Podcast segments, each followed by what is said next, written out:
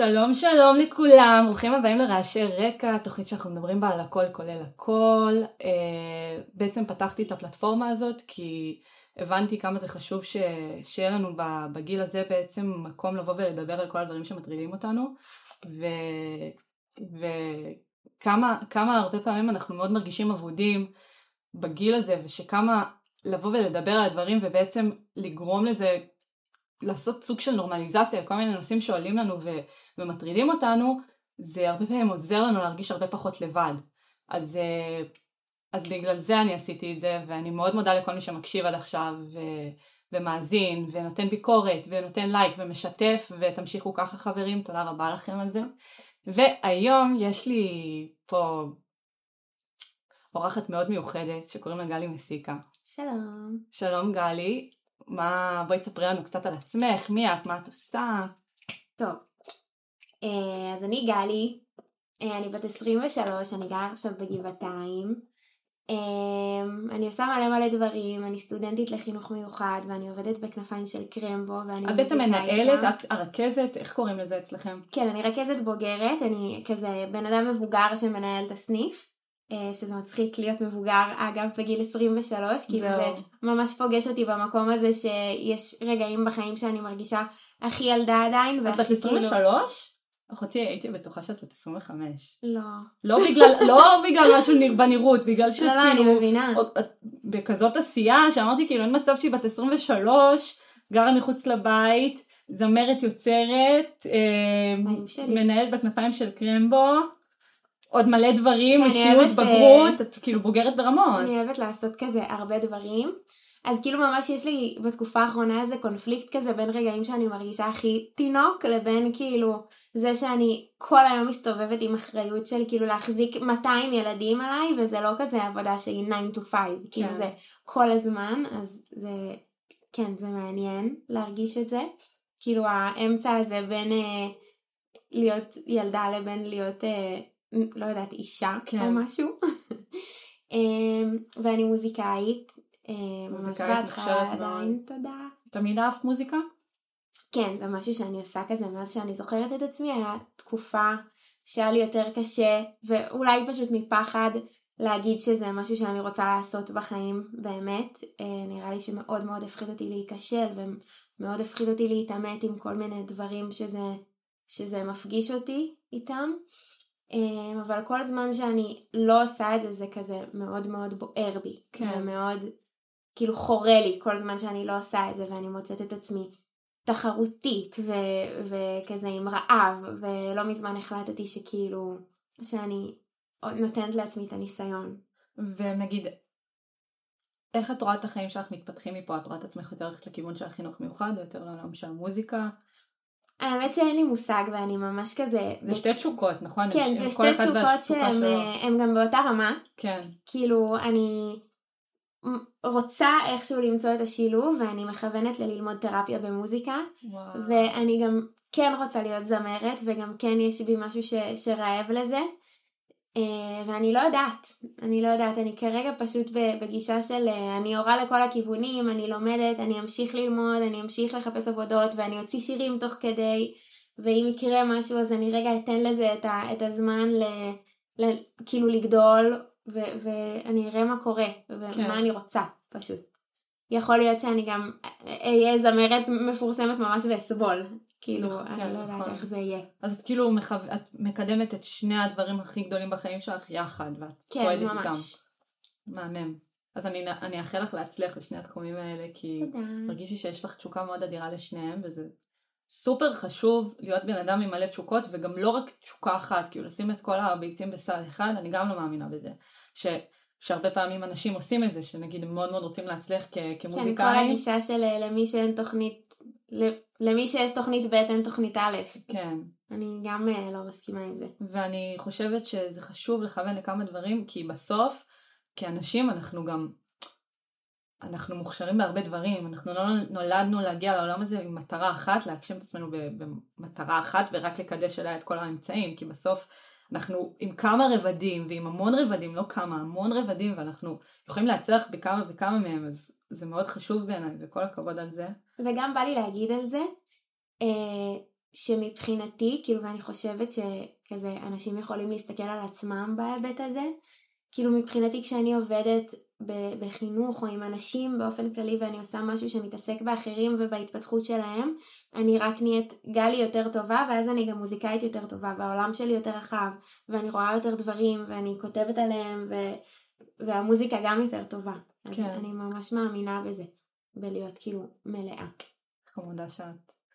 Uh, היום אנחנו בעצם התכנסנו לפה כדי לדבר על נושא שהוא סופר מעניין ואני כאילו יכולה לחשוב עליו הרבה, להתעסק, להתעסק בו הרבה ו... ואז בעצם לפני uh, משהו כמו שבוע ישבנו בבר ואז פתאום את אמרת לי כן אני במערכת יחסים פתוחה. ואז אמרתי טוב יאללה בואי נעשה פודקאסט על מערכות יחסים פתוחות. ואז כזה אמרת אה זה טוב כן אני רוצה ואני צריכה רגע לבדוק לשאול וזה. ואז אמרתי כזה טוב תעדכני אותי כי שוב, כן, כאילו, היה פחד קטן. יש פחד כי זה לשים את עצמך על פלטפורמה ופתאום להיפתח ולדבר על דברים שהם דברים נורא אינטימיים ואישיים שלנו בחיים שלנו זה, זה לא קל אבל אני מוצאת הרבה פעמים שזה מאוד משחרר. כאילו אני כבר לא יודעת אני לא יודעת באיזה פרק זה נראה לי באזור ה-20 ואני כבר 20 פרקים שאני באה ומדברת על החיים האישיים שלי ואני מוצאת שהרבה פעמים זה עושה את האפקט ההפוך. זה לא בסוף זה לא מלחיץ זה זה איפשהו מוציא אותי מהאזור נוחות שלי ואז גורם לי להרגיש גם פחות לבד, כי כולנו בסוף מתמודדים עם אותן בעיות באיזושהי צורה אחרת פשוט, ו, ואז זה גורם לי להרגיש, להרגיש הרבה פעמים פחות לבד, ו, ובגלל זה אני יודעת שזה מלחיץ, אבל בסוף את תרגישי שחרור כזה של יאללה, שכאילו כולם ידעו כבר, זה אני. אני מקווה, יאללה בואי נהיה בזה. אז בואי בוא קודם כל נגדיר מהי מערכת יחסים פתוחה וההבדל מפולי אמריה. אה, מערכת יחסים פולי-אמרית זה קיום מערכת יחסים מבוססת אהבה עם שניים או יותר פרטנרים בו זמנית כי אני בעצם מגדירה למה זה בגלל שהרבה פעמים אנשים לא יודעים ממש להבדיל כאילו אתה אומר מערכת יחסים פתוחה אז mm. אתם, אנשים ישר חושבים טוב אז אנחנו בכמה מערכות יחסים שונות ויש לי כמה אהבות שונות בחיים שלי אבל זה לא ממש זה כי בניגוד לזה מערכת יחסים פתוחה היא שונה מכיוון שהיא בסך הכל הכרה בכך שאחד או, שני, או שני האנשים במערכת יחסים רוצים לחפש יחסי מין חיצוניים משמעות הדבר היא שאחד הבני זוג או שניהם רוצים להתנסות עם אנשים אחרים והמניע העיקרי הוא, הוא מין. שזה ההבדל, כי מערכת יחסים פולי אמרית זה ממש לחפש אהבות אחרות. מעניין, מאיפה ההגדרות?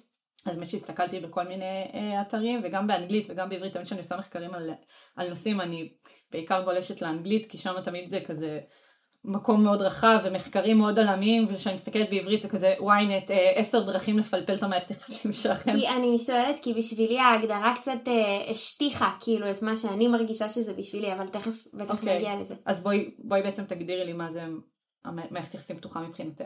אם, את, אה, אם זה משטיח לך את זה. אני חושבת שבשביל כל אחד זה משהו אחר וכל בן אדם שאומר שהוא במערכת יחסים פתוחה כאילו יכול להיות לזה אלף כזה פרשנויות שונות ו... וכל מיני אפשרויות לאיך זה נראה. אה, ואני גם לא נוטה להגיד על עצמי בדיוק שאני במערכת יחסים פתוחה, יותר אני אומרת שהמערכת יחסים שלי היא לא סגורה. למה? למה להשתמש אה, בלא סגורה מאשר פתוחה? כי, כי באמת, אולי, אולי אה, אני משתמשת בזה, במינוח הזה יותר כדי להבדיל, כמו מה שאת אמרת, בין מערכות יחסים פתוחות לפוליאמוריה. כי אני לא מחפשת עוד זוגיות, לא יהיה לי עוד חבר, עוד בן זוג, עוד קשר שהוא, שהוא עמוק ואני מושקעת בו כמו שאני מושקעת בקשר שלי. אמ, אז, אז בגלל זה, ו, וגם יש לזה איזה שהם חוקים שנדבר עליהם. אמ, ומצד שני, אה, זה, זה נכון, אפשר להגיד שה, שהמניע הוא, הוא מין, אבל גם אני יכולה להגיד ש, שבשבילי זה, זה גם עוד דברים שה... שבאיזשהו מקום כן המרכז שלהם הוא מין, אבל זה גם איזושהי התרגשות, איזה שהם... אולי צורך להרגיש חופשייה? ברור, צורך ב- בחופשיות, שאני עוד צעירה ובזוגיות כבר די הרבה שנים, ככה יצא.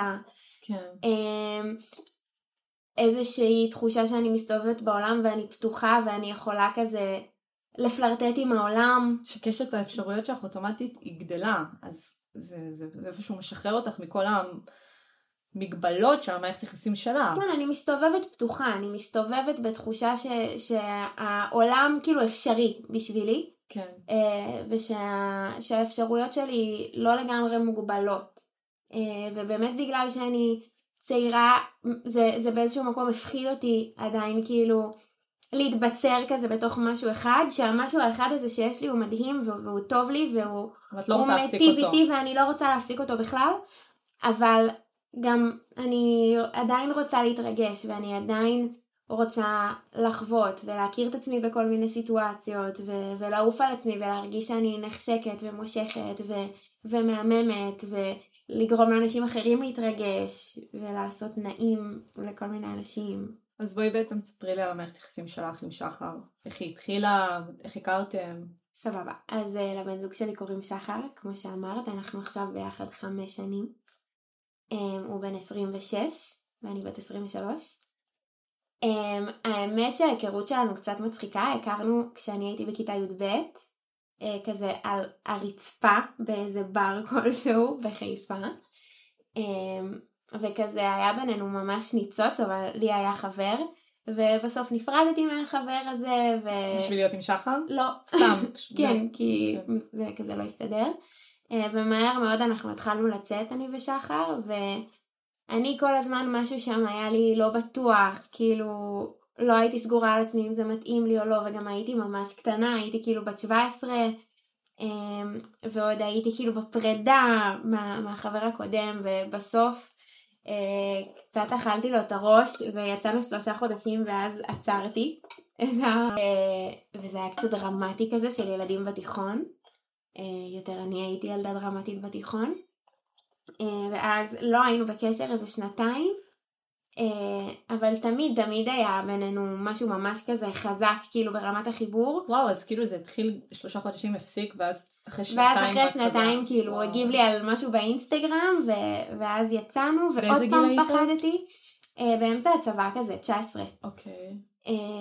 ומאז אנחנו ביחד. וואו. התחלנו כאילו לצאת, ובהתחלה גם הייתי ממש מהוססת וזה, ואז נכנסתי לזה, ו... ומאז. והיום אתם כבר גרים יחד, בגילתיים. כן, אנחנו גרים ביחד הרבה שנים. מערכת יחסים מאוד מאוד רצינית. כן. אוקיי, ו...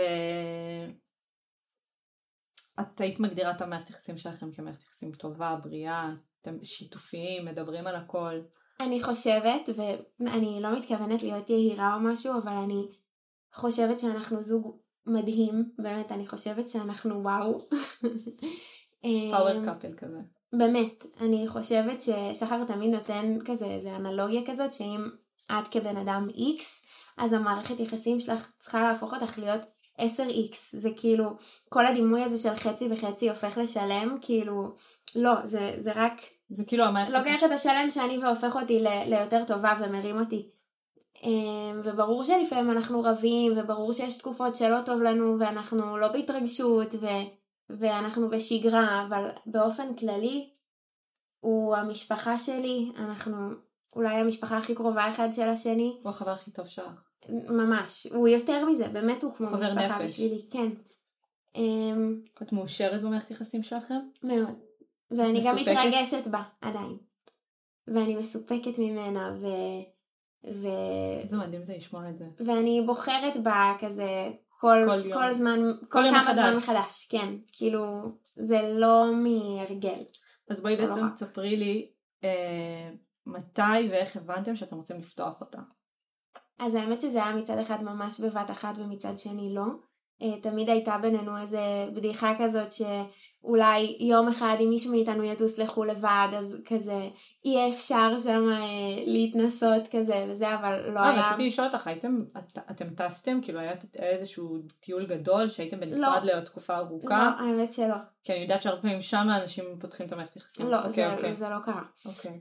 אמ, אז היה בינינו בדיחה כזאת אה, ולא היה ברור אם זה ברצינות או לא.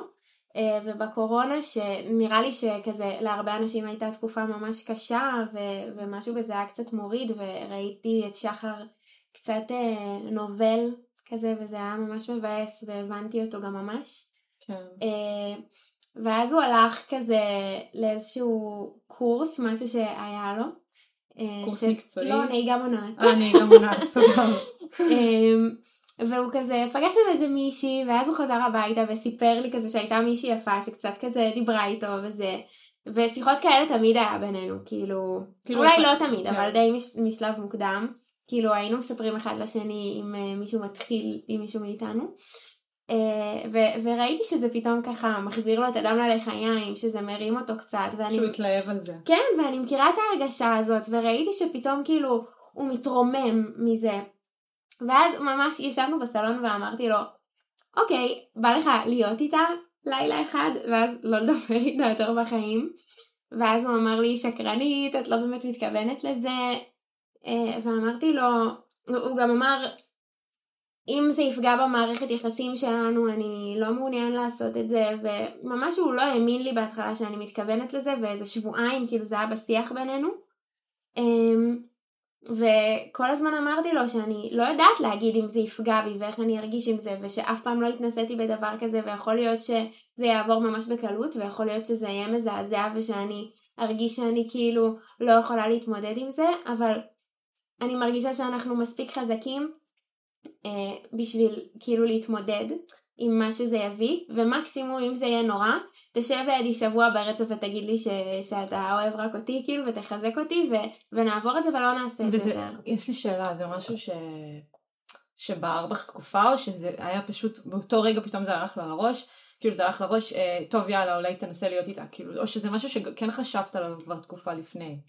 Um, אז אני לא יכולה להגיד שזה בער בי, אני כן יכולה להגיד שאני כאילו עם כמה שאני מחויבת למערכת יחסים שלי לפעמים כן אני מרגישה אה, איזושהי החמצה או... הסתכלות, או... הסתכלות ימינה שמאלה? כן, הסתכלות אני תומכת, אבל כאילו לפעמים אני כן לפנטז. הייתי בתחושה, כן, כן, כאילו אני, אני אוהבת להתרגש, אני אוהבת את הפלירטוט ולפעמים כולנו. אה, מבאס אותי כאילו שאני צריכה לעצור את זה במצבים מסוימים, אבל כן אני אגיד שה... ההתחלה, השיח הזה על הבחורה הספציפית הזאת, לא הבאתי אותו בגלל שאני רציתי להיות עם מישהו. זה באמת היה ממקום ממש של קרבה, תמיד שואלים אותנו, וגם אז כשזה התחיל, חברה הכי טובה שלי שאלה אותי, אתם הולכים להיפרד? כאילו זה, זה שלב ל, לפני פרידה, כן. ואני אמרתי, כאילו, לא. זה מקרבה, אני, אני רואה אותו כאילו מבסוט. להפך, אנחנו קרובים יותר מתמיד. ואני יכולה לראות את עצמי נהנית מההנאה שלו, כן. כאילו, זה, זה היה משם. זה הפחיד אותי, זה כן היה כאילו משהו חדש. הופתעת מעצמך שהצעת את זה? זה, זה היה כזה, אולי תהיה איתה ואז היית כזה, רגע, מה הצעתי הרגע? זה היה כזה וואו. אני חושבת שכן, זה היה כבר לפני איזה, לא יודעת, שנתיים, שלוש כמעט, כן. אני חושבת שהיה לי רגע כזה, ו... וגם אני אגיד שזה משהו שההתפתחות שלו במערכת יחסים שלנו, כשאני מסתכלת אחורה זה מאוד מפתיע. אה, כי היה לנו אפיזודות של קנאה, כן. והיה לי, אה, לי חבר בתיכון שכזה לקח לי המון זמן להתגבר עליו, וזה כאילו היה הרבה זמן אישו בתוך הקשר שלנו, אה, וכזה, ו- ולי היה כזה כל מיני, אולי אני אספר, ארחיב על זה יותר בהמשך, אבל אישו עם אשמה, שהרגשתי אשמה על איך שאני מסתכלת על בנים לפעמים, ו... וואו. וכשאני מסתכלת עכשיו על כאילו לאן שהגענו, אני מה זה מבסוטה עלינו. אני כאילו, אני, אני איפשהו מאוד מבינה את זה, כי אני נגיד הייתי במערכת יחסים שנה וחצי, וכבר לקראת, לקראת אה, השנה אני, אני התחלתי כבר להסתכל לסביב, התחלתי כבר... ולפני זה לא הסתכלת? תמיד הסתכלתי, אין פה מי שקר, תמיד הסתכלתי, תמיד אם אה, מישהו חתיך התחיל הייתי כזה וואו איזה חתיך כזה, כזה וכזה הייתי מפנטסט עליו, אבל זה התגבר כזה של כבר לרצות, לרצות לממש את זה כבר עם מישהו אחר, שהיה איזה mm-hmm. מישהו שפתאום נתן לי ממש תשומת לב בעבודה ו... והתחלתי כבר לחשוב עליו ולחלום עליו ולחשוב עליו בזמן הסקס עם הבן זוג ושכזה וואי אם לא הייתי בזוגיות הייתי עושה את זה ו- וזה כזה גם לי תחושות של בגידה כזאת של mm-hmm. כזה מה את בכלל חושבת ככה יש לך בגידה רגשית יש לך את אה, בן אדם בוגדני איפה הרגשות שלך בן אדם השני כי הוא היה בא ואומר לי, אה, הוא היה מרגיש רע אם הוא היה חולם על מישהי בלילה, פעם אחת הוא בא אליי ועשה לי כזה, וואי תקשיבי אני חייב לספר לך משהו, אני חלמתי שאני עם מישהי אחרת בלילה. ואני בראשי, כאילו, טוב שאני לא חולמת את זה כל יומיים שלושה שאני עם מישהו אחר, כאילו, מה אתה בא ומספר לי את זה בבושה או באשמה? ואנחנו מלקים את עצמנו על רגשות כל כך טבעיים וכל כך אנושיים, זה בסדר ולגיטימי ומבורך שאנחנו בגיל הזה, בגיל שאנחנו הכי פעילים מינית, ואנחנו לא חושבים רק על בן אדם אחד. זה, כן. ומי שאומר שהוא חושב רק על הפרטנר שלו, בטח בגיל הזה, הוא משקר, כי זה לא הגיוני. או שאתה, אה, אין לך משיכה בכללי לבני אדם, ו- ולא יודעת מה, או שאתה פשוט משקר ואתה אומר אני נמשכת לפרטנר שלי, זה לא נכון. אני יכולה להגיד שמשהו שלמדתי ממש אה, בדרך הקשה, כאילו אני אשתף, זה ממש אישי, ואני אשתף את זה עכשיו. אה, שכשהייתי ילדה, היה לי איזה אירוע כזה במשפחה, ש, שהביא אותי לאיזה דפוס קצת אובססיבי, ש, שהייתי צריכה לספר לאימא שלי, כאילו היה לי ממש טקס אובססיבי כזה, שאני הייתי צריכה להגיד לה כל דבר ש, שקורה לי. כאילו ממש, אני מכירה את זה. הייתי מעירה אותה בלילה עם זה, כל מיני מחשבות כן. רעות שהיו לי, והרבה משם היה כזה, הרבה מהמחשבות האלה היו קשורות, היו קשורות למיניות. אה, לא מחשבות מוזרות, מחשבות ממש לא, רגילות אנושיות, פשוט הרגשת על זה רע. אה, ואני הייתי ילדה שמטפלת בעצמה מאוד, ואני הצלחתי כאילו מאוד לעבוד על זה. אה, וכשהתחלתי את הזוגיות עם שחר, כאילו הדפוס הזה כזה המיר את עצמו לצורה אחרת, כאילו בתור בן אדם יותר מבוגר. אה, והטקס הזה של לספר כאילו מין הומר לשחר, אה, ואני הרגשתי אשמה על כל דבר, על אם הייתי נוסעת באוטובוס ו- ומוצאת באוטובוס גבר שיפה בעיניי וחושבת מחשבה של mm, הוא יפה בעיניי, הייתי מרגישה אחותי בוגדנית של החיים, ו- והייתי כאילו אוכלת את עצמי, וזה, היה לי מחשבות ממש טורדניות סביב זה, והייתי בטיפול אה, מאוד מוצלח, אה, והמטפלת שלי פשוט אמרה לי, את יודעת, הייתי אז בת 20 או, או 19 כזה, היא פשוט אמרה לי, את יודעת לפנטז ו- ולהסתכל ולהימשך ולהתרגש, הדבר היחיד שזה אומר עלייך זה לא שאת בוגדנית, וזה לא שאת רעה, וזה לא שאת חברה גרועה, זה אומר שאת חיה. ושאת חיונית. שאת בת אנוש. ולא רק בת אנוש, בת אנוש חיונית, כאילו בן אדם ש, ש, שהחושים שלו פועלים, כאילו, ו- ואני ממש השתמשתי בזה וממש הכנסתי לעצמי קול פנימי, כאילו שיגיד לי את זה, וזה משהו שעבדתי עליו קשה, והיום אני כאילו יכולה להגיד ש... שזה משהו שאני עפה עליו. כאילו להתרגש ו- ולהסתכל וליהנות ממבטים, כאילו, כן, זה גורם לי להרגיש שאני חיה סך הכל. אז אני ממש מאמינה שאנשים שמספרים שהם מסתכלים רק על הבן זוג שלהם ורק נמשכים לבן זוג שלהם, זה, זה כיף לאהוב את הבן זוג שלך ולהרגיש שהוא הכי טוב בעולם ואין יותר טוב מזה, ככה גם אני מרגישה. אבל אבל לא להסתכל לשום מקום אחר, אני גם לא מאמינה שזה... ברור שלא, זה הדבר הכי טבעי שיש, ואני זוכרת ש...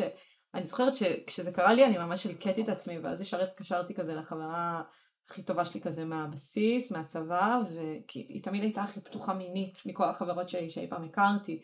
אז ישר התקשרתי אליה כי ידעתי שהיא תהיה הכי, היא תקבל את זה בזרועות פתוחות, דיברתי איתה על זה שאני חושבת להיפגש איתו כבר, או דברים כאלה, בזמן שאני בזוגיות.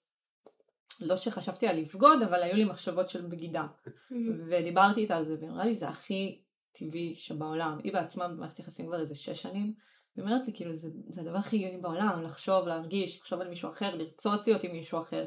צריך לדעת איך, איך לנווט את זה, או באמת לפתוח את זה, או לדבר איתו על זה, או להחליט טוב אני חושבת את זה אבל אני לא אפעל על זה. אבל זה בסוף דבר מאוד טבעי, ואז כזה נרגעתי כזה, פתאום נהיה לי כזה אוויר כן, לנשימה. כן, לפעמים מישהו שנותן לך תוקף שזה בסדר, כן, כאילו לחשוב את המחשבות האלה, זה, זה מרגיע. אבל שזה אנושי. חשוב לי להגיד אבל ש...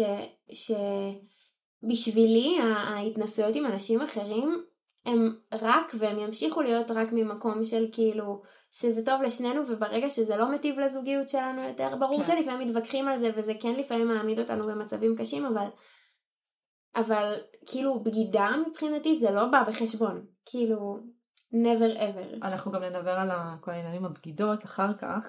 אז בעצם בואי תקחי אותנו חזרה לסיפור, אז את אמרת לו, אתה רוצה להיות איתה? אמרתי לו, ואז כזה, איזה שבועיים היינו בשיח על זה.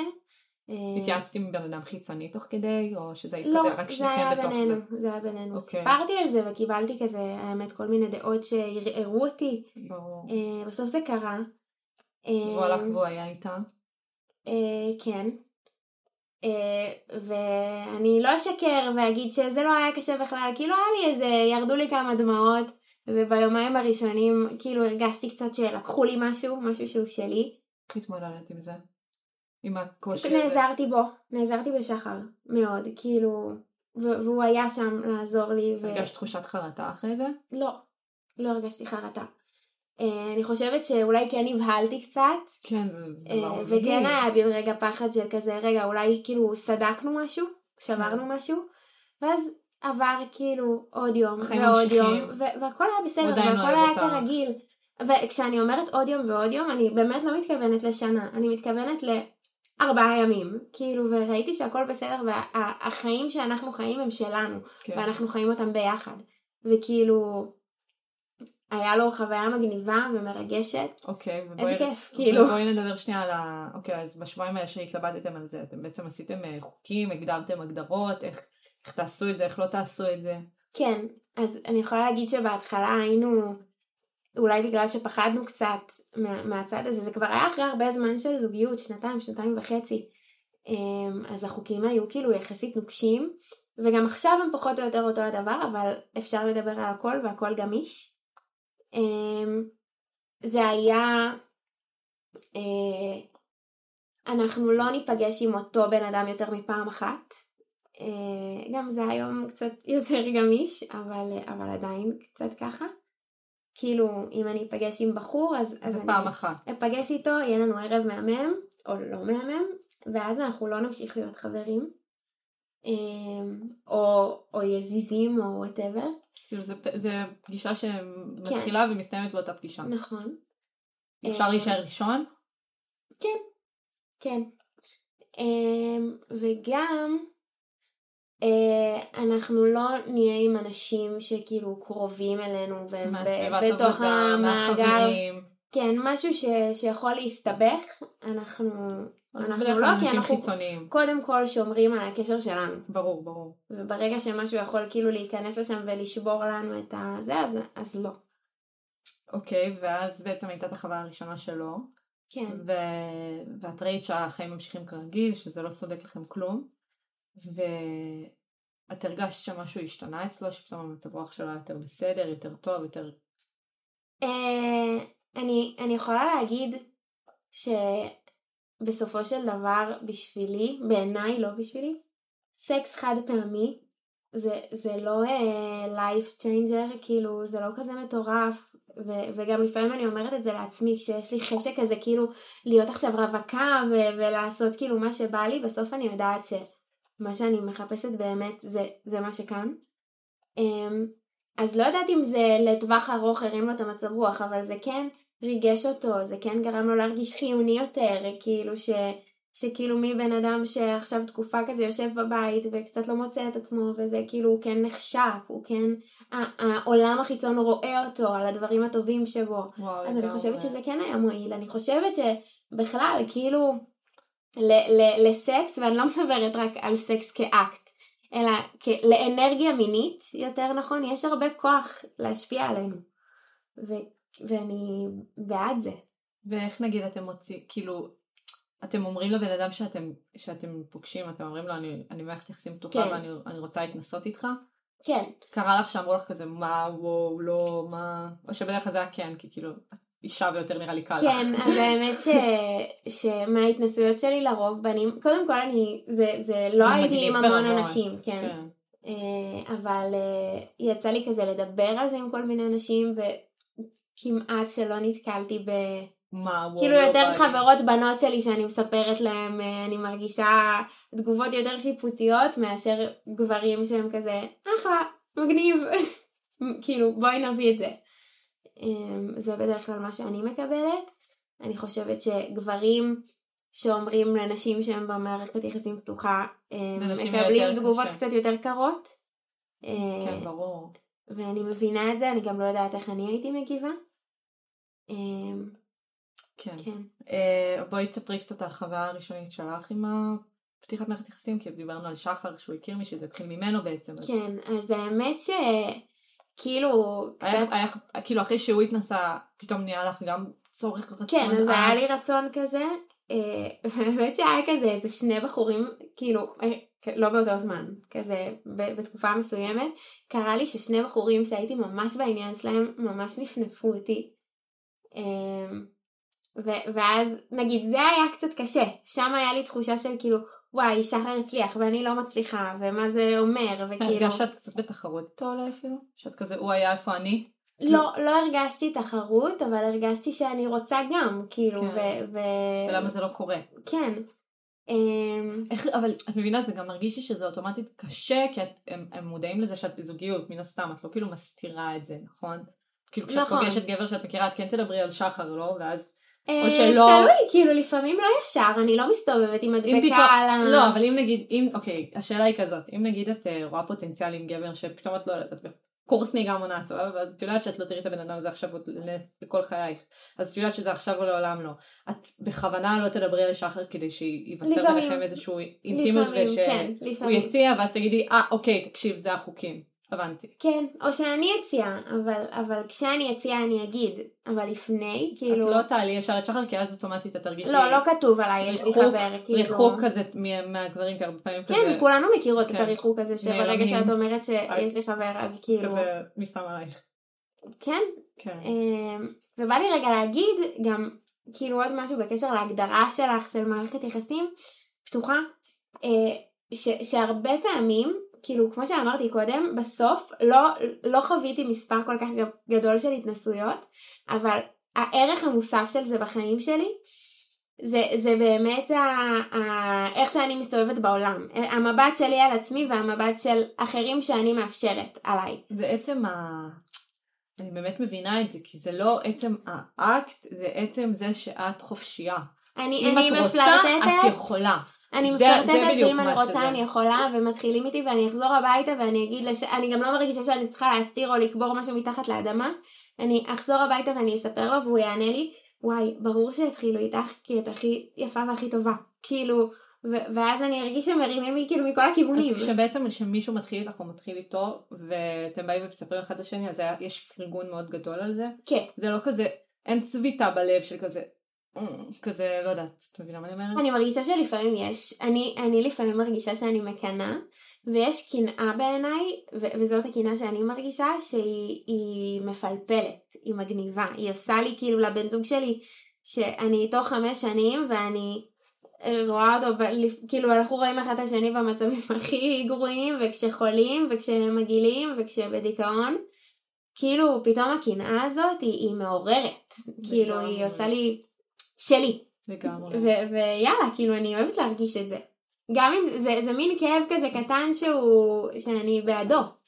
זה, זה קטע, כי נגיד אה, ממחקרים שאני קראתי, אז הרבה פעמים אה, אומרים שבערך ב, בקו של השנתיים, הניצוצות והנשיכה והתשוקה דועכים באופן מאוד טבעי. כשבן אדם שנתיים, את רואה את ההודעות שלו בטלפון, קופצות לך שיחות טלפון, רואה אותו.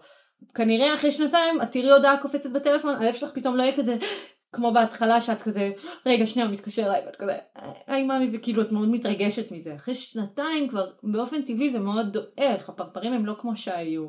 החייתיות הזאת היא, לא באופן תדיר כמו שזה היה בהתחלה. נכון, כי, אה, כי החיים. וזה החיים, ואנשים כאילו אומרים טוב זה החיים ונמשיך עם זה ככה, גם אם אין חייתיות ולא נשנה כלום ולא נפלפל, ואני אומרת למה? כאילו למה לא לפלפל בכל דרך שהיא, כן? אם זה פתיחת מערכת יחסים או אנא ערף ללכת לכל מיני מפגשים מיניים של, של משחקי תפקידים, כל דרך שהיא, יש כל כך הרבה דרכים. ואז אני אומרת, למה להישאר במצב ש, שזה כבר, שזה, שזה מובן מאליו, כי כשאתה כל כך הרבה זמן עם בן אדם, והוא שלך ואת שלו, ואתם נאמנים אחד לשנייה, ואין פה איזשהו כאילו קטע של בגידה או כל הזמן לחפש בחוץ, אתם באמת לויאליים אחד לשני וטוטאליים. אז איפשהו באופן טבעי הדבר המאוד אנושי זה לקחת מובן מאליו, כמו שאנחנו לוקחים מובן מאליו את החברים, את המשפחה, דבר שהוא תמיד נמצא אנחנו לוקחים מובן מאליו, ואז גם זה פחות מרגש אותנו, אז כשאת שומעת, את אומרת רגע הוא לא מובן לי מאליו, יש עוד מישהי שרוצה אותו, הוא לא מובן מאליו. זה גם שם, ו- ועוד מקום שזה כאילו גורם לפרטנר שלי כאילו להיות מרגש בשבילי, חושק, חושקים בו. גם, גם, וגם אני כאילו, זה, זה גורם לי להסתכל על המערכת יחסים שלנו ולהגיד, וואו, זה בן אדם שרואה אותי ורוצה שאני ארגיש הכי טוב, ו- ו- ורוצה שאני ארגיש נחשקת, ו- ואיזה כיף לי שיש לי אותו, וזה המחשבה הזאת שעולה בי ב- ביומיום, או בתקופות שאנחנו יותר מדברים על זה, זה גורם לי להתרגש שהוא מתקשר אליי. כאילו, אני אומרת, זה, זה מרגש אותי שיש לי אותו מאוד. אני יכולה לספר סיטואציה כאילו שקרתה לנו כזה שבוע שעבר, סיפרתי לך על זה גם כשישבנו, אה, שאני ושחר יצאנו עם אנשים באותו יום. אני חשבתי שזה כאילו, אותי זה, לי זה היה מגניב. זה הדליק, אימא זה כן, הדליק ברמות. לא מצאתי את המילה. אה, וכזה הבחור שיצאתי איתו כמה ימים לפני כזה דיברנו בוואטסאפ ו- וכזה שיחות כאילו מגניבות וכיפיות ו- וכאילו ש- שחר היה פה בבית ואני דיברתי בוואטסאפ וכאילו תוך כדי כזה כאילו זה, זה הבן זוג שלי שאני הכי אוהבת ואיזה כיף שהוא בבית ותוך כדי מתאפשר לי להתרגש גם מהדבר הזה ואז באותו יום כש, כשיצאנו אה, אני נסעתי כאילו להיפגש עם הבחור הזה במרחק של לא יודעת 40 דקות נסיעה בערך ושחר נסע להיפגש עם הבחורה שאיתה הוא נפגש ודיברנו תוך כדי בטלפון. בדרך כאילו בנסיעה ומה זה הרמנו אחד לשני? הכי בעולם כאילו היינו כזה יואו בהצלחה הלוואי שיהיה כיף. וכאילו אפילו כל אחד היה לה חששות של ואני הייתי כאילו מה אם אני אתפשט? והוא יחשוב שכאילו ש- שאני לא מושכת ו- ושחר היה כזה אין מצב, אין כזה דבר, כי, כי את סקסית ואת מהממת, וכאילו, רק הרמנו אחד לשני. וואי, זה מדליק. ו- ואחרי זה היה לנו קצת קשה, אני כאילו משתפת שאחרי זה התווכחנו על זה קצת, לא, לא במשהו שקשור לקנאה, כאילו, כזה, זה עורר איזה ויכוח, אבל ימים אחרי זה הסתובבתי בתחושה של כאילו, וואו, מה, מה, מה, במה זכיתי כאילו שזה מתאפשר לי בכלל, הדבר המטורף הזה, זה כל כך לא מובן מאליו. כאילו, זה, זה, זה גם, גם חברות שהיא, ש, שהיא קרבה ש, שלא רואים אותה. גם להרגיש כאישה, אני מדברת שני אנשים כי אנחנו נשים, להרגיש כאישה שרוצים אותך ושאת שווה ואת נראית טוב ואת מדליקה ומחרמנת, זה מעלה ברמות. זה מעלה ואני אשתף שזה, שזה מעסיק אותי גם, זה נושא שמעסיק אותי. Uh, הייתי רוצה שזה יעסיק אותי פחות. מה זאת אומרת? באיזה קטע? Uh, שאני מרגישה לפעמים שאני מאוד מודדת את עצמי לפי זה, לפי, לפי המבט הגברי. כאילו, mm. ואני. חושבת. שהרבה מאיתנו לוקות כן. בזה. בטח. Uh, ולא יודעת, אולי זה, זה נוגע כאילו במקומות אחרים שאני מרגישה שאני פחות מאמינה בעצמי בהם, ואז כאילו המיניות והמבט הגברי זה מקום שיותר קל בו לקבל אישור. Mm-hmm. כאילו יכול להיות לצורך העניין שאם אני אצליח כזמרת, או, או יקרה מה שאני מגדירה כהצלחה, אז הצורך הזה במבט הגברי יפחת קצת. אבל אה, כן, זה, זה מעסיק. את מרגישה ש... שהצורך במבט הגברי התחיל יותר כשפתחתם את המערכת יחסים? כן, כי, כי, ה... כי כאילו נפתח הצוהר, האפשרות לקבל את זה. כן. כשאת מרגישה ש, שאסור ואת יותר חסומה, אז את גם לא רוצה להסתכן. את כאילו... גם יוצאת, נגיד אני סתם, אני חושבת, נגיד, אני באמת חושבת על הקטע הזה שמטריף אותי, שנגיד אני יוצאת כ... כבחורה תפוסה נגיד לתל אביב בשפה ומשהו מרגיש עצוב וחסום. אני שמחה שאת אומרת גם אני מרגישה ככה. אבל כשאת יוצאת ואת יודעת שאת יכולה אז פתאום את כאילו מסתכלת לכל עבר ומסתכלת במבטים. אגב, וה... אבל חשוב לי להגיד שנגיד בחוקים שלנו, אני לא יכולה לצאת לתל אביב ולשכב עם מישהו ולחזור בבוקר. כן, אבל את יכולה להכיר אותו אני יכולה שמה. להכיר אותו, אבל זה לא העניין בשבילי לשכב איתו. זה העניין של איך אני מסתובבת ביציאה הזאת אביב. יכולה, אחותי. ו... אני עפה על עצמי, כולם יכולים לעוף עליי, כאילו... ברור, אחותי, זה, זה מין זה חופשיות. זה. זה מין חופשיות מטורפת ואני חווה את זה כל פעם שאני בזוגיות אני, אני יוצאת לתל אביב בסופש ואני כזה כזה, אני רואה את חברות שהיא הרווקות, ואני כזה, אני מקנאה. כן, יש איזה קינה. אני מקנאה, ואני אומרת, איך בא לי, איך בא לי כאילו... להשתרלל במרכאות, כן? כאילו ליהנות ולהסתכל ולפלרטט ולהוריד צ'ייסרים עם, עם איזה בנים שאני רוצה, עם איזה אנשים שאני רוצה. ואז כזה, ישר כזה הולכת לוואטסאפ לדבר עם הבן זוג, וכזה, כזה אולי לנסות כזה קצת להתחרמן איתו בוואטסאפ כדי להרגיש איזשהו משהו אבל אבל אחרת זה כאילו זה פשוט קצת מבאס את היציאה וזה האמת. זה פחות כיף לצאת שאת תפוסה וכשאת רווקה את חופשייה ברמות ואני חושבת שכאן איפשהו יש לך את כזה את שתי העולמות. יש לך את העולם של הפרטנר הבטוח שאת יכולה להגיע אליו ולשתף אותו ו- כי זה לא יהיה לך בעולם סטוצים אין, כאילו אין, אין סטוץ שכאילו באמת העולם, העולם הסטוצים בפן הרגשי והאינטימי בהתחלה אני לא, כאילו לא באמת הוכח לי לאורך טווח, כי לפעמים באמת נרקמות חברויות אמיתיות מסטוצים, או אינטימיות, אבל לרוב זה מאוד קר ומנוכר וזה מאוד... היה לי גם סיטואציות כאלה, וזה מאוד כאילו שיצאתי מהם אה, כדי, ב- כדי לשכב. בריקנות קצת, כאילו, ברור, כי זה לי. עולם שהוא הוא, הוא, הוא קשה, הוא, הוא ריק, הוא מאוד כזה, אה, כמו כזה מוצרים בסופר כזה, את מאוד מוצר, זה מאוד כזה, את פחות גלי, את מאוד כזה הנראות שלך הרבה בעולם הסטוצים, כן. הרווקות בתל אביב, היא מאוד כזאת.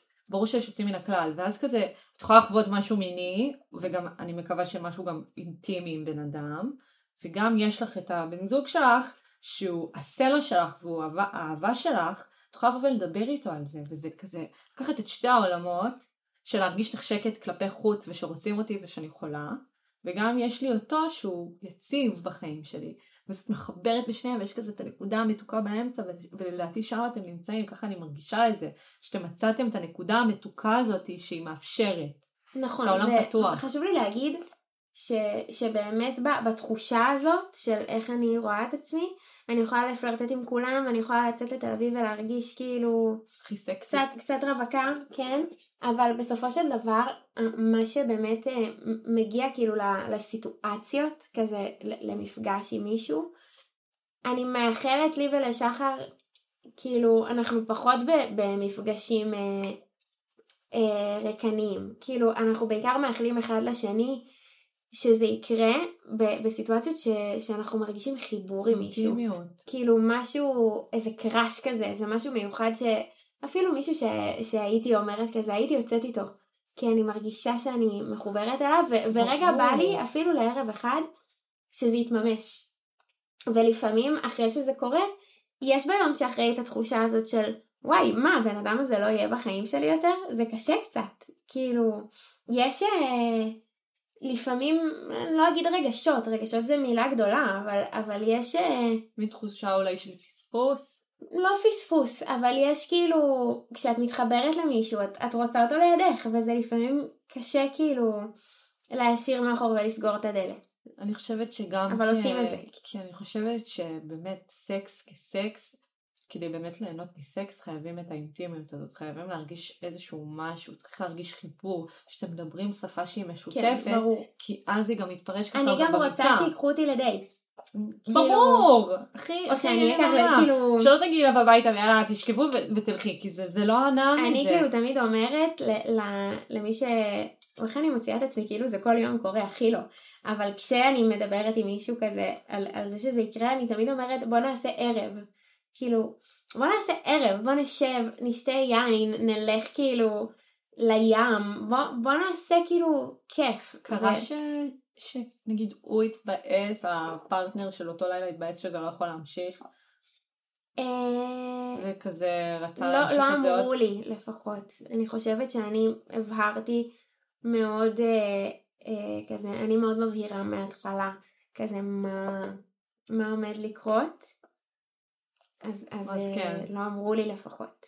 מעניין אותי אם זה אי פעם באמת יכול ללכת למחוזות כאלה של אה, ממש רצון לראות עוד פעם את הבן אדם הזה, כאילו ל... אפילו לפתח רגשות, או אני כי זה נגיד משהו שיכול לערער קצת את המוסד הזה שלכם. נכון.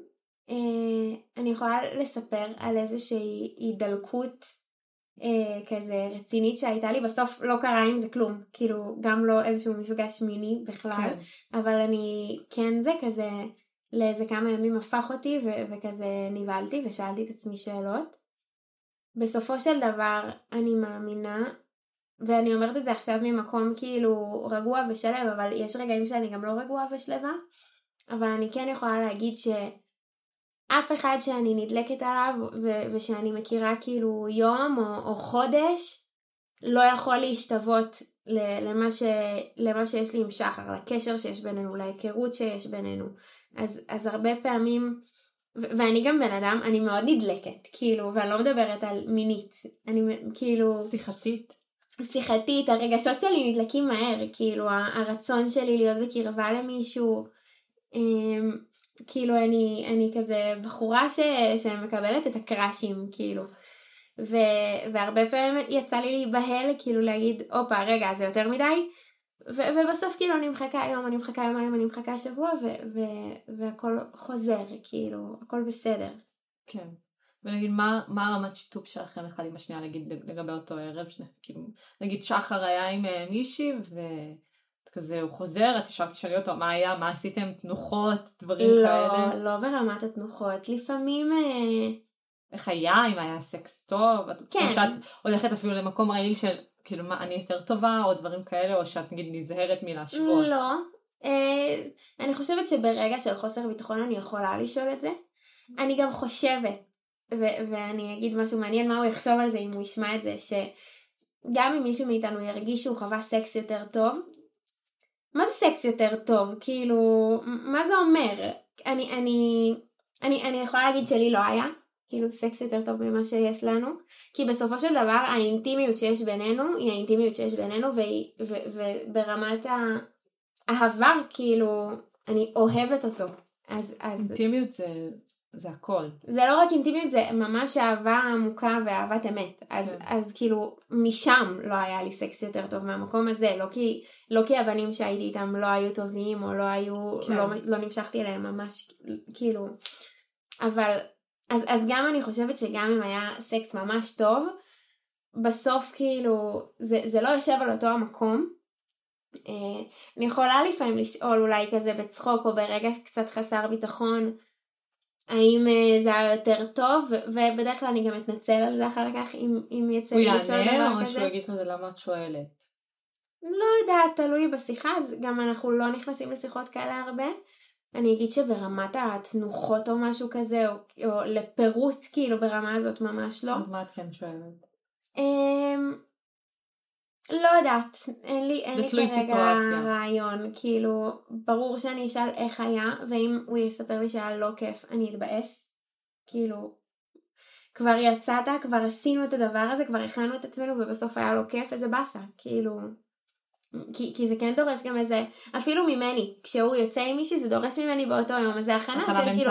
היום אני הולכת לשבת בבית כשהבן זוג שלי זה, ו- ואני יכולה להרגיש כאילו בשעות האלה טיפה אז מסכנה. את אולי מקיפה את עצמך באותו יום בבית כן, כן, שהוא כן, יוצא אני ממש אשתדל.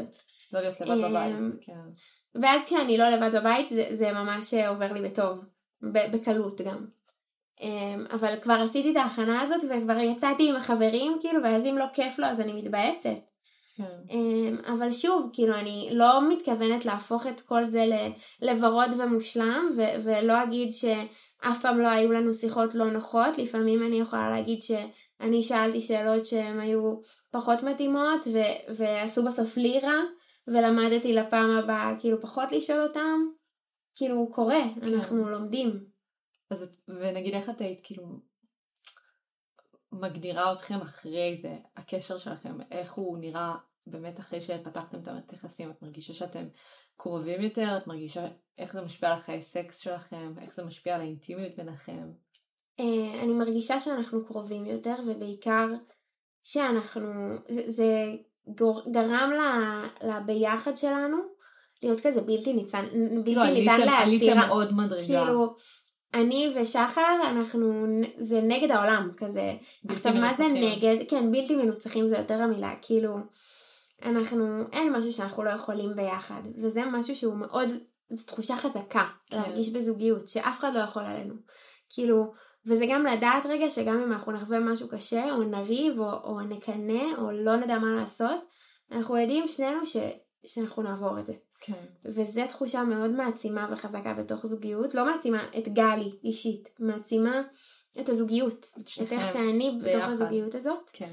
אה, וברמת האינטימיות או הסקס, כאילו, גם אני מרגישה באופן כללי שהמיניות בינינו היא טובה, אה, אבל זה גם, זה, אבל זה עלה מדרגה אחרי בעצם שפתחתם? אני חושבת שכן, כי אני חושבת שיש לפעמים משהו בפנטזיה גם על כאילו אנשים אחרים, או, או עליו עם אנשים אחרים, או, או להפך כאילו שהוא כזה מחרמן ברמה מסוימת. ברור. אה, זה לא ברור לכולם, זה לי ברור לי לי ולך. זה ברור, זה כל כך ברור, כי את, את זה כאילו מין... אה, אני יכולה לדמיין, שוב, אני לא חוויתי, אני מדברת ממחשבה, שאני חושבת שאחרי שהוא שוכב עם מישהי אחרת, או שאת שוכבת עם מישהו אחר, פתאום הסקס הוא הרבה יותר חייתי כזה. כן, אז זה שלי, הזה שדיברתי עליו, כן, הקנאה הזאת, שלך. היא הופכת את הסקס למשהו... כן, אתה שלי ואתה לא של אף אחת אחרת, כאילו, אתה איתי עכשיו, וכאילו, אז זה משהו, כן. את מאוד בתוך זה, וזה נכון. זה מאוד, אה, את יודעת, מיניות, איך שאני רואה מיניות ואיך שמיניות, זה בין הדברים ש... שעדיין יש לנו כבני אדם שמחזירים אותנו לטבע. וגם יש בזה איזושהי תחרות, תחרותיות חייתית כזאת שהיא טובה. בדיוק. שהוא חוזר ואז אני כזה, אבל אני אראה לך שאני הכי טובה. זה, זה הדבר כאילו. הכי, הכי אבולוציוני שיש. זה, תשמעי, אנחנו גרים בבתים עם קירות ורצפה ומשתמשים במכשירים אלקטרוניים ואנחנו קונים את האוכל שלנו בסופר. אנחנו מאוד מנותקים מהטבע שלנו. יש לנו עצים ברחוב, אבל זהו, כי אנחנו מנותקים מהטבע שלנו ממש. גם מי שגר במקומות עם הרבה טבע, הוא בסוף גר בתוך בית ואוכל כן. מאוכל מהסופר, הוא לא צד את האוכל שלו. הסקס והתרבות וכל הדברים שקשורים לזה זה בין הדברים שהכי נשמרו לבני האדם מה, מהתקופות עברו של, של שכבנו בקטע חייתי כמו ששימפנזות שוכבות וכמו שפילים שוכבים כולם שוכבים כולם עושים סקס. זה בין הדברים שהכי שימרנו אבל כשזה הופך להיות דבר מאוד מבוית וכנוע ומאוד כזה משעמם ומאוד כזה שעבר שדרוג של ה... של המהפכה נגיד התעשייתית שהכל מאוד מאוד כזה מנוכר וקר אז כאילו אני אומרת בוא נשמור את זה כחייתי כי שם אנחנו יכולים גם... לפרוק את כל החייתיות שלנו את כל הפנטזיות שלנו זה הכי טבעי נכון. בעולם.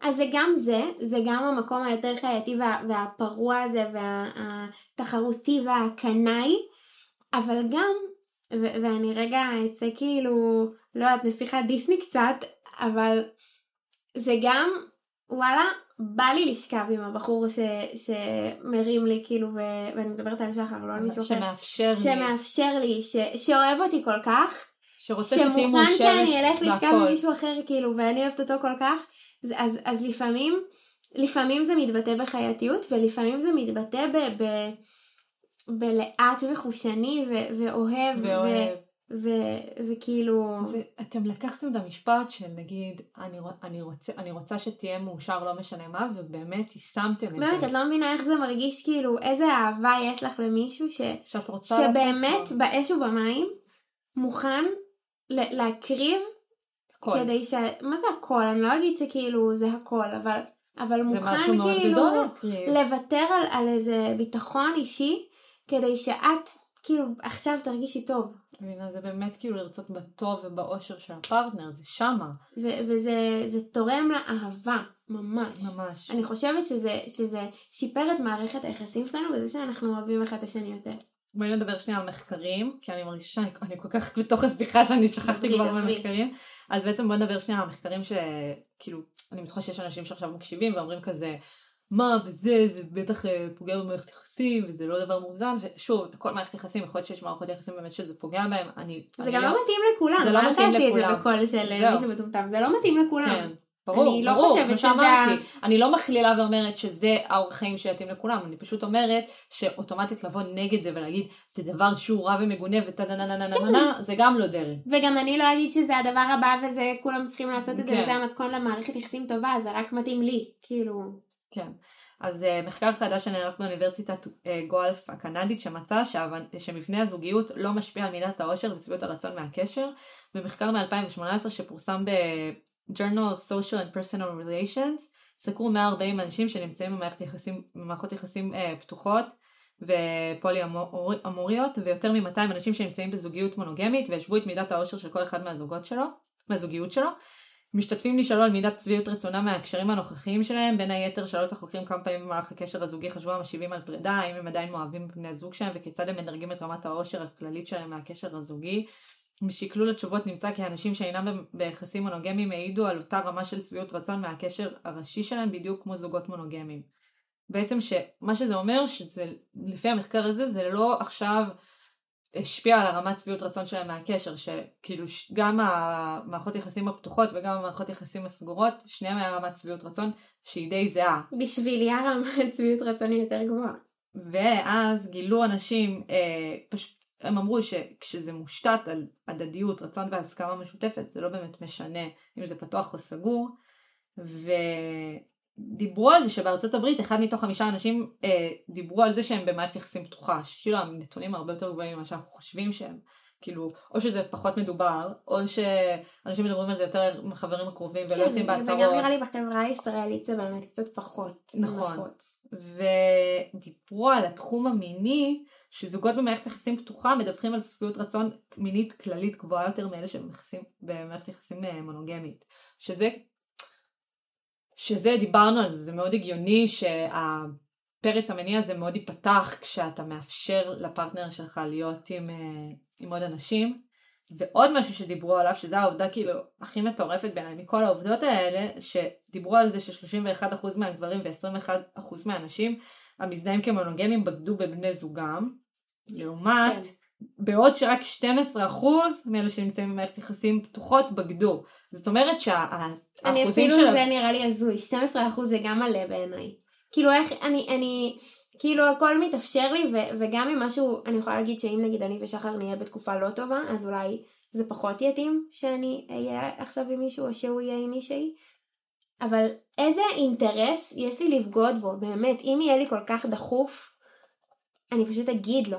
כן. כאילו, מה... מבינה, וזה כאילו, הקטע עם הבגידות, ש... שאני כל כך יכולה להבין את זה, שכשמישהו הוא מאוד כנוע, והוא מאוד במערכת היחסים הקבועה והסטנדרט, ושום דבר הוא לא מרגש, ומחדש לו, ויש כל כך הרבה סיבות למה אנשים בוגדים. וגם כאילו. יש איזו תפיסה ואני מכירה את זה אפילו מאנשים שקרובים אליי, ש, שאפילו ה, אפילו התחושות האלה של להימשך למישהו אחר ולהסתכל על מישהו באוטובוס, וזה אסור, וזה, וזה לא בסדר, וזה בוגדני, ואני ממש מאמינה שכשאתה מרגיש שאתה צריך לקבור את כל זה, ו, וזה אסור לך, אז זה הגיוני שתבגוד. כי משהו כל כך טבעי הוא כל כך אסור, אז, אז אתה כן. מחפש איפה להתבטא כאילו, איפה כן. לעשות את זה. אז אני, אני באמת, הנתון הזה הוא, הוא פשוט מטורף בעיניי, שאנשים כשלא מאפשרים להם בכל תחום, אם זה רגשי ואם זה מיני ואם זה תקשורתי. אנחנו רק רוצים את מה שאסור, לא רק אנחנו. אז אנחנו הרבה פעמים נעשה את זה פשוט מאחורי הגב, ואז הפגיעה היא תהיה כל כך יותר משמעותית, מאשר אם נבוא ונגיד, אוקיי, אולי, אולי אנחנו נפתח את הקשר שלנו, ואז נעשה את זה בצורה שהיא שיתופית, ויש תקשורת, ויש הדדיות, וזה לא רק אני עושה, זה גם את יכולה. כאילו בבגידה זה הרבה כזה, אני לוקח ועושה מה שאני רוצה, למרות שאני יודע שזה יפגע בך. זה, זה נורא בעיניי. אני, אני חושבת, על אם היו בוגדים בי, זה, הייתי מרגישה באותו רגע ש, שאני אפס, ש, שכאילו הבן אדם שאמור הכי לאהוב אותי בעולם מסתכל עליי ואני כלום באותו רגע. מאשר אם הוא, אם הוא אומר לי אני כל כך אוהב אותך, אז כאילו בא לי לדבר איתך כדי ש, שיהיה לנו טוב בכל דבר שאנחנו עושים. ונגיד איזה קשיים אתם כן נתקלים? כי באיזה דברים את כן מגיע, מרגישה שאת מגיעה לשם ואת כזה אומרת קשה לי, קשה לי מאוד, או דברים כאלה. Um, אני יכולה להגיד שבתקופות שאני מרגישה יותר חסרת ביטחון, אז יכול להיות לי יותר קשה uh, לקבל, uh, להרגיש שאני מקנאה. Um, אני יכולה להגיד שלפעמים אנחנו יכולים להטיל וטו אחד לשני על דברים, נגיד שחר הוא מוזיקאי, הוא נגן, אז הוא מאוד לא רוצה שאני אהיה עם מוזיקאים או עם אנשים שיש מצב שהוא אי פעם יעבוד איתם כזה, ובשבילי כאילו מוזיקאים זה הכי טרנון בעולם, כאילו. ברור. ובהתחלה הייתי כזה, תקשיב אתה חוצפן כאילו, והיה לי קשה לקבל את זה, אמ, ואני גם מבינה. אמ, או שאני, לא יודעת, כאילו, זה, זה משהו שיכול להיות קשה, וגם לפעמים עולות מזה שיחות כאילו ש... שמעוררות, כן, אני חושבת שהיה לנו איזשהו ריב על המקום הזה ש... ש... של השוואה, רגע שכן היה איזה רגע שהרגיש שאנחנו בתחרות. ו... ו... השנייה, כאילו, ושם אני. ושם אני מאוד כאילו לקחתי את זה קשה ו... וכאילו מה זה ריב? זאת הייתה שיחה מאוד ארוכה על, על לנסות להבין את הנקודת מבט אחד של השני, כי לי היה מאוד קשה להרגיש ש, שאנחנו עושים את זה מהמקום התחרותי הזה, ובסוף כאילו הבנו אחד את השני והיה בסדר, אבל אני חושבת שזה המקום שזה יכול כאילו להרגיש קשה. אבל גם חשוב לי להגיד שכאילו הרבה פעמים יצא לי ששאלו אותי, אז אם זה גם קשה, אז, וזה לא רק כיף ורק קליל, אז למה שתעשו את זה? אבל אלה החיים, כאילו, אף אחד לא, לא חשב שזה יהיה כיף אה, וחדי קרן ופרפרים ופרחים כל הזמן. כאילו אנחנו אנשים... וגם איפשהו לאתגר את הזוגיות שלכם. אנחנו אנשים שחמש שנים ביחד זה מאתגר. יש לנו עם כל האהבה לפעמים גם הרבה מטען אחד על השני. הרבה הרגלים אחד של השני שאנחנו לא אוהבים ואנחנו יכולים לעצבן אחד את השני. ו- ולפעמים זה קשה ואף, ואנחנו מתגברים ומתחזקים אבל יש רגעים שהם לא נעימים. איך אתם מגשרים על זה? אנחנו מדברים. מדברים. אני יכולה להגיד על ה... על ה... לא יצא לנו לריב על זה הרבה, כאילו בעצם פעם אחת שאני חושבת שמזה שסיפרתי לך על הריב הזה, מזה התחילה כל השיחה שלנו בעצם. Mm-hmm. אבל אני יכולה להגיד שזאת באמת הייתה שיחה ממש ממש ארוכה, שהיה בינינו איזה חוסר הבנה, עד שאני התנסחתי בצורה מסוימת, ואז הוא אמר לי, הבנתי עכשיו.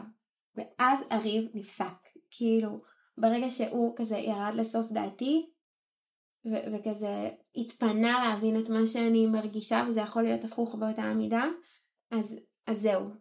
אבל זה, זה היה קשה כשהיה חוסר הבנה חוסר פניות לשמוע אחד את השני. כן. ואנחנו אנושיים ולפעמים כאילו יש חוסר פניות ולפעמים אתה רוצה להיות צודק. כן. ואתה רוצה כאילו... ו- וגם, וגם כוח של זוגיות או, או של בן אדם בתוך זוגיות יכול גם להיות כאילו להחליט שאני עכשיו עוצר את, ה, את הרצון הנורא גדול שלי לנצח בוויכוח ו- ולהיות צודק ולהיות חכם ו- ולהקשיב למי שלידי ו- ולנסות לראות כאילו מאיפה הוא מגיע. זה גם מחזק. זה נשמע שיש לכם חברות מאוד מאוד חזקה, שאתם חברים הכי חזקה מאוד מאוד, מאוד חזק, כאילו מאוד טובים והחברות שלכם היא חזקה ואיתנה. זה מתבסס על כאילו זה בכלל לא מתחיל, המערכת יחסים פתוחה זה בכלל לא מה שעליו מתבססת החברות, כאילו זה מתבסס על, אה, אנחנו ביחד, לא יודעת, כמעט רבע מהחיים שלי. כן. אמ, זה מתבסס על המון דברים וחוויות. והאם זה דרך חיים שאת רוצה כאילו לממש בהמשך חייך, או שזה פשוט משהו שעכשיו מתאים, אז עכשיו הוא יהיה, אבל את לא כזה אומרת, טוב, זה החיים שלי מעכשיו והלאה. אני לא מחליטה לגבי זה כלום, כמו שאני אף פעם לא לקחתי החלטה שזה יהיה לתמיד, ואף פעם לא, אני לא אקח החלטה הפוכה, כאילו כן. ש, שזהו לנצח. אני חושבת ש, שכרגע זה מתאים, וזה מתאים כבר די הרבה זמן, ואני יכולה להגיד שלאחרונה אמרתי לו, אולי ניקח רגע של, שלנו, כאילו שנתכנס רגע, אני ואתה, ו- ואני טסה שבוע הבא לחו"ל, ואני יודעת שאני ארצה להתנסות שם, ואני לא יודעת, כאילו, יכול להיות שיום אחד, עוד כמה שנים אני אהיה בהיריון, ואז אני ארגיש שזה פחות מתאים, או הוא ירגיש. כן. אני, או שנרגיש שזה ממש מתאים ושזה ממש מפלפל, אין לי, אין לי החלטה. אתם פשוט הולכים לפי אינטואיציה ומה שאתם מרגישים עכשיו. זה לא אינטואיציה, זה רצון של כאילו... לא, אבל כאילו פשוט מה שנעים לי עכשיו, ואני אני עושה. כאילו אני פועלת לפי... מה מתאים לי ולא. מה נעים לנו, אנחנו נעשה את מה שנעים לנו, לא נלך בניגוד לאחד התחושות של, של אחד מאיתנו. כן. ואת מרגישה שאת פתוחה לדבר על זה עם אנשים בפרהסיה, בחברה, כי זאת לא... בוא נגיד את זה ככה, אנחנו לא באמת חברה הכי מקבלת uh, דברים שונים ומערכות יחסים uh, פתוחות זה כזה, אוקיי, זה כזה, אז תמיד מסתכלים על זה במבט פרוץ, במבט כן. עקום, במבט אולי סוטה אפילו. אז, אז אני אגיד שזה מאוד תלוי כאילו מי הבן אדם שעומד מולי ואת מכירה את זה שאת פוגשת אנשים ואת מרגישה מאוד מהר שאתם מדברים באותה שפה, זה קרה גם לי ולך. כן, נכון. כאילו, גם אם אנחנו לא מדברות כל יום, אני מרגישה, כאילו אני מרגישה שיש לנו תחומי עניין משותפים שאנחנו כזה באות מאיזשהו עולם שהוא כנראה דומה קצת, או, או עולם, אה, עולם פנימי לפחות. כן.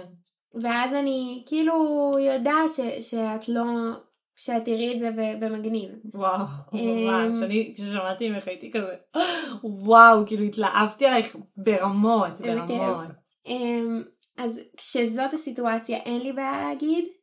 אה, כשיש אנשים שאני מתלבטת לגביהם או שאני מרגישה שלא הבנתי אותם עד הסוף אני אולי אזהר כזה עד שאני אני אומרת את זה איפה שאני מרגישה בטוחה. ובגלל זה גם התלבטתי קצת אם לעשות את הפודקאסט הזה ואז אמרתי כאילו וואלה אני חושבת שיש לי דברים כאילו מלמדים להגיד על זה ודברים חכמים ודברים מועילים. אה, אז למה שאני לא אגיד אותם כאילו אני מאוד מאמינה במה שאני אומרת ומסכימה עם עצמי כזה. אמ, אבל אני יכולה להגיד שבמקומות שאני מרגישה שזה לא יתקבל, או שהבן אדם האחר ממש לא, אה, לא איתי כאילו באותו ראש, שזה לא אומר שהוא פחות טוב או פחות חכם, לפעמים זה אנשים שפשוט גדלו כאילו אחרת ממני, והעולם ערכים שלהם הוא אחר לחלוטין, אז אין לי, אין לי איזה רצון כאילו להתווכח על זה ולהיכנס ל... ל... את מכירה? כן. כאילו... שאת יודעת מלכתחילה ש...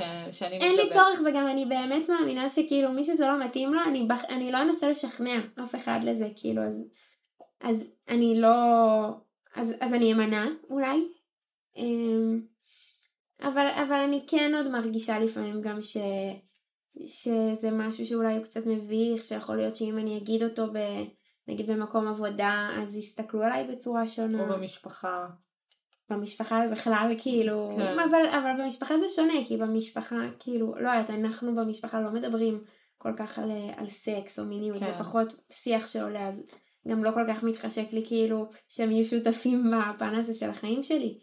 אמ, אז, אז זה פחות רלוונטי בעיניי באופן כללי, כי גם על דברים אחרים, כאילו שהם יותר קונבנציונליים, לא הייתי משתפת. אמ, יש לך חברים שאת נתקלת בהם שכזה, כשזה התחיל לקרות שהם כזה היו ממש אנטי וכזה לא הבינו אותך ולא הבינו את מה שאת עוברת ושפטו. כן, אני יכולה להגיד שאפילו החברה הכי טובה שלי, היא לא שפטה, היא, היא, היא פחדה עליי, היא פחדה, כאילו, דאגה לך. היא לא, היא, היא לא לגמרי האמינה בזה ש, שזה יכול להיות בטוב, ואני מבינה, כאילו היא דאגה לי. אמ, ו, ויש גם אנשים שאני רואה על המבט שלהם כזה איזה שיפוטיות okay. כזאת, כן. ואז כאילו הרמת גבה, ואז לפעמים אני מתבאסת ומפחדת קצת ש... שאולי עכשיו רואים אותי אחרת, אה, וקצת okay. כן. חבל שזה מבאס אותי, כי אם כאילו מישהו רואה אותי בצורה שהיא... אז זה לא כאילו... בן אדם שאת רוצה בחיים כן, אז, אז, אז לא חייב, כאילו זאת אני, ו- וזה משהו שהוא מאוד טוב בחיים שלי, ו- כן. ואני צריכה יותר כאילו to own it.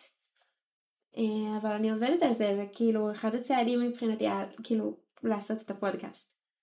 גם אחותי זה, מגניב, זה ממש כאילו. אמיץ, ואני חושבת ש... אני אפילו חושבת שאם יהיה מישהו שיקשיב לזה וכזה בעצמו מתלבט על מה לעשות ולשמוע שהשד הוא לא כזה מפחיד, שזה בסדר, שאפשר להתמודד עם זה, אם זה אנשים ש, שבאמת הם בוגרים ויש להם שיח בוגר על הנושא הזה, אפשר להתמודד עם זה, וכאילו אם, אם יש מישהו שמקשיב והוא מרגיש שהוא רוצה לפתוח והוא נורא מהסס ופוחד וזה גם מפחיד ללכת ולשאול עכשיו אנשים, זה מאוד יכול לעזור לו. ו- וגם בשבילך זה כזה, זאת אני, וכאילו שהעולם יראה אותי איך שאני, אני לא מתביישת כן, במי שאני. ממש. ואני מאוד מאוד מה זה זאת אני? זה. זאת לא אני, כאילו, זה משהו זה שאני, זה בחירה שלי. בחיים שלך, זה פן כן. בחיים שלך, ברור שזה לא את, זה לא כל מי שאת, אבל זה חלק כאילו בא לי להגיד, אני לא יודעת כזה מי המאזינים של הפודקאסט, אבל אני כאילו, אני בן אדם דווקא מופנם, וביישן, ומובך, וכאילו... אני חושבת שיש הרבה פעמים איזה image כזה על אנשים שכאילו עושים משהו קצת שונה שקשור למיניות שהם בטח אנשים כזה סופר מוחצנים וסופר אבל כזה. אבל שומעים, שומעים וכאילו, שאת לא... שם. אני מה זה לא שם, אין בעיה עם זה, אבל, אבל כזה... בגלל זה אני אומרת, זאת לא אני, כאילו זה לא מה שמגדיר ומתאר את האופי שלי. כאילו זה אני... חלק גדול מאוד ממי שאנחנו זה המיניות שלנו, אי אפשר נכון. לקחת את זה. חלק ענק אני תמיד אומרת בזוגיות זה חצי תקשורת, חצי מיניות, והתקשורת כאילו הולכת לתוך המיניות והמיניות הולכת לתוך התקשורת, והם הולכים יד ביד וצועדים יד ביד.